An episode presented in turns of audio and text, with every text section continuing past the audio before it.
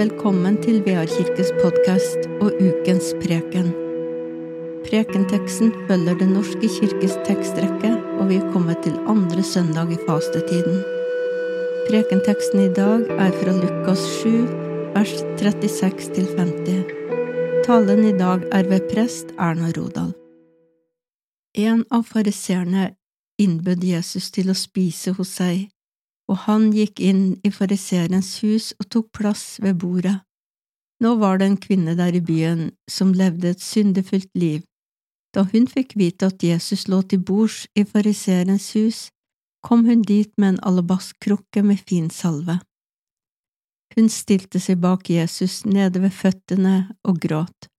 Så begynte hun å fukte føttene hans med tårer og tørket dem med håret sitt. Hun kysset føttene hans og smurte dem med salven. Da fariseeren som hadde innbudt ham, så det, tenkte han med seg selv, var denne mannen en profet, ville han vite hva slags kvinne det er som rører ved ham, at hun fører et syndefullt liv. Da tok Jesus til ordet. Simon, sa han til fariseeren, jeg har noe å si deg. Si det, mester, svarte han. Jesus sa, To menn hadde gjeld hos en panteutlåner. Den ene skyldte han hundre denarer, den andre femti. Men da de ikke hadde noe å betale med, etterga han dem begge gjelden. Hvem av dem vil holde mest av han? Simon svarte, Den han etterga mest, tenker jeg. Du har rett, sa Jesus. Så vendte han seg mot kvinnen og sa til Simon, Ser du denne kvinnen? Jeg kom inn i ditt hus, og du ga meg ikke vann til føttene mine, men hun fuktet dem med tårer og tørket dem med håret sitt. Du ga meg ikke noe velkomstkyss, men helt fra jeg kom, har hun ikke holdt opp med å kysse føttene mine. Du salvet ikke hodet mitt med olje, men hun smurte føttene mine med den fineste salve. Derfor sier jeg deg, hennes mange synder er tilgitt Derfor har hun vist så stor kjærlighet. Men dem som får lite tilgitt, elsker lite. Så sa han til kvinnen, syndene dine er tilgitt.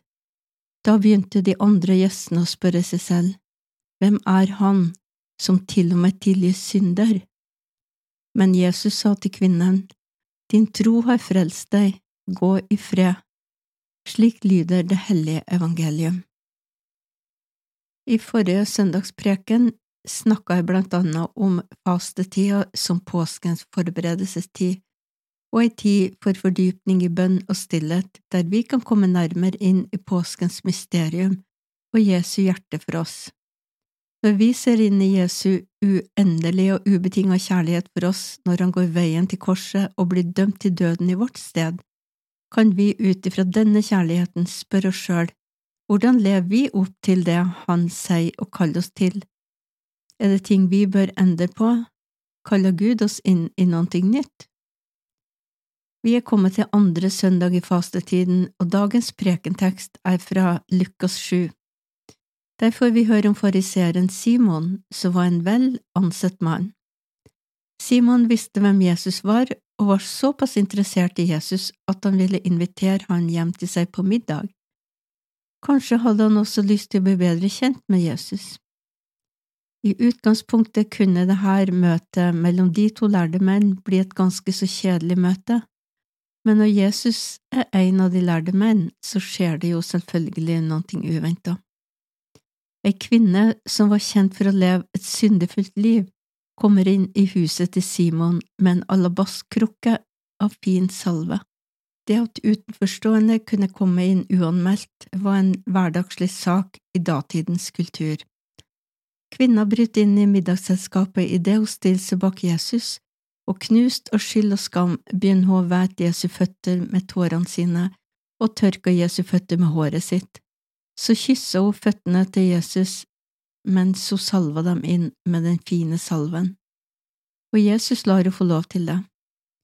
Fariseeren Simon ser på det her som skjer, og tenker at Jesus burde jo ha skjønt hva slags kvinne hun er, og vist henne bort.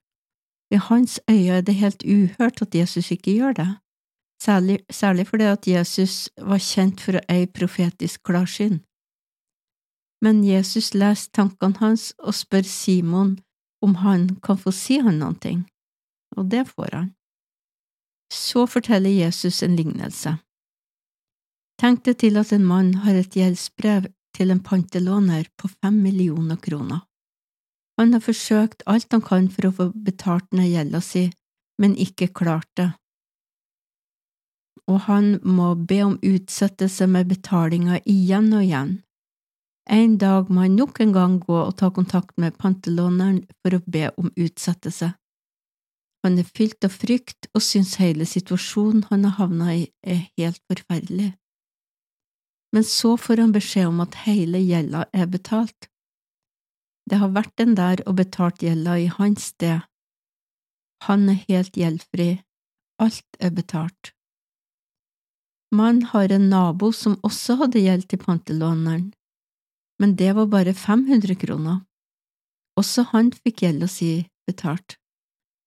Hvem av de to var det som ble mest glad og takknemlig for at gjelda var betalt, og ville holde mest av han som hadde betalt gjelda, spør Jesus. Simon svarer at det må være han som hadde størst gjeld. Du har rett, svarer Jesus. Lignelsens poeng er at menneskets kjærlighet samsvarer med den godhet og tilgivelse som de sjøl har blitt møtt med. Simon, som helt sikkert oppfatta seg sjøl som korrekt og rettferdig ifølge loven, har kanskje aldri følt at han sto i skyld og gjeld til Gud og trengte tilgivelse, eller kanskje i liten grad gjorde han det. Den som er tilgitt lite, elsker lite, sier Jesus. Men kvinna som hadde levd i åpenbar synd, hun var ikke i tvil om at hun trengte tilgivelse, og vis Jesus stor kjærlighet. Tingen er at bare, bare den at vi alle har skyld som vi trenger å få tilgivelse for, for ingen av oss er perfekt. Jesus tilgir kvinna all hennes synd.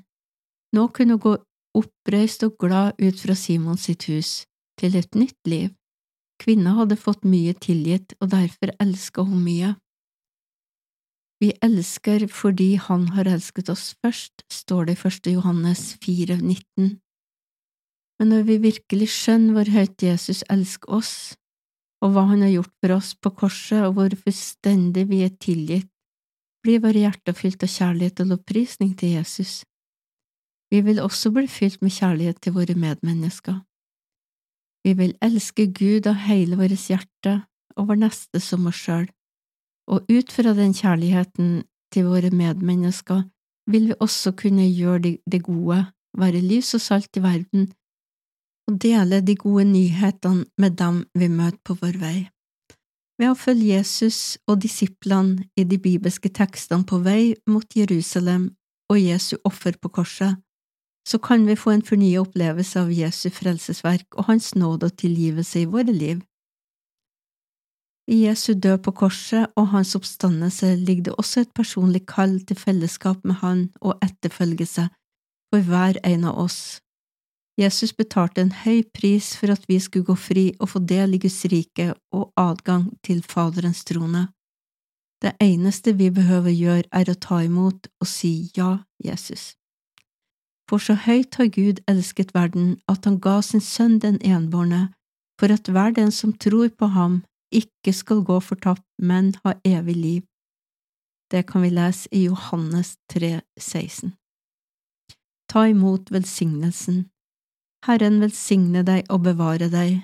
Herren la sitt ansikt lyse over deg og være deg nådig. Herren løfte sitt åsyn på deg og gir deg fred.